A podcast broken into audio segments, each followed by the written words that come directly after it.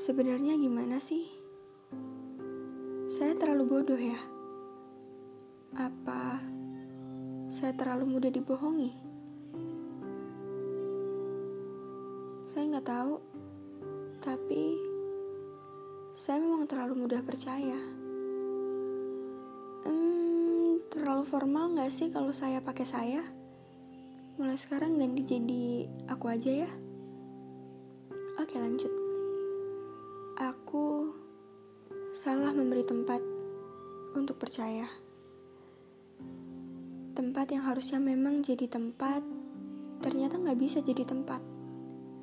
Karena tempat itu bukan tempatku. Mungkin ada penghuni lain.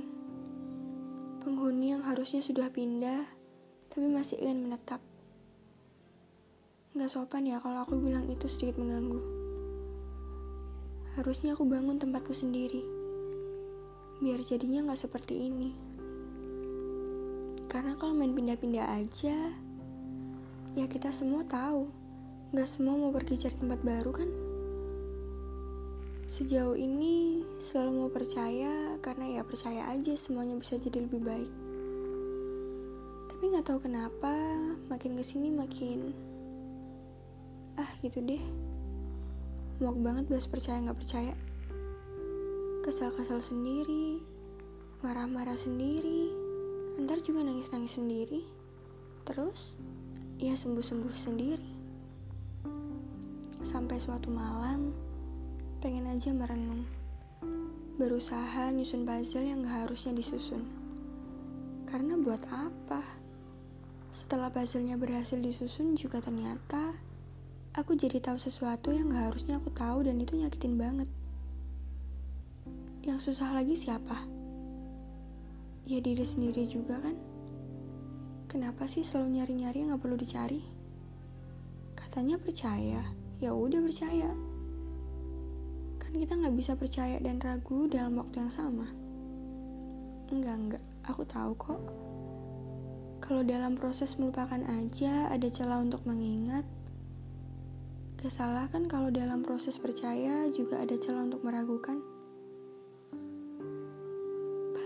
Udah mau berusaha percaya lagi. Maaf jika pertanyaan-pertanyaan yang bertujuan untuk memastikan itu sering membuat jengah. Apalagi yang harus aku tanyakan saat tidak percaya diri seperti ini. Pengen gitu jadi bodoh amat sebentar aja. Pengen gak mau peduli. Pengen gak tahu apa-apa. Kayaknya jauh lebih nenangin. Tapi ya gitu. Nanti kalau akhirnya emang harus tahu, ya harus peduli. Ya gak bisa jadi bodoh amat lagi. Semua harus punya kejelasannya, walau nggak semuanya punya alasan. Belum lagi kalau alasannya nggak sesuai sama ekspektasi, tapi terwujud dengan kata-kata yang menenangkan. Oke, keadaan emang nggak bisa dipaksain buat selalu jadi maunya kita. Tapi ya gimana? Aku benar-benar nggak bisa ada di keadaan ini. Selalu nyari cara, mikirin hal yang bahkan gak masuk akal tapi tetap dibuat jadi masuk akal. Udah kepikiran buat gini, tapi enggak ah, enggak akan dia juga. Terus lagi, tapi enggak lagi karena gak mau nyusahin orang, gak mau terlalu banyak orang tahu masalah rumah tangga ini. Aku tidak membenci yang pernah mengecewakan. Aku tidak menyesal karena memilih untuk percaya lagi. Tapi gak apa-apa kan kalau aku mengeluh. Cuma pengen baik-baik aja sebenarnya.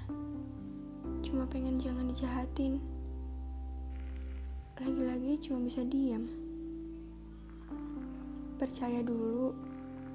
Sejauh ini cuma itu yang nguatin. Nepis semua yang gak baik dengan percaya itu kayak punya kekuatan super. Mungkin kalau aku jadi hero-hero gitu, kekuatannya percaya. Aneh ya. Ya, nyatanya bisa aku cuma percaya. Perkara yang negatif itu beneran atau enggak, ya nanti. Dan ternyata nggak semua huruf bisa dicari bohongnya. Ikhlas aja deh sama keadaan. Mau pasrah aja. Kita tunggu kebaikan Tuhan. Percaya kan?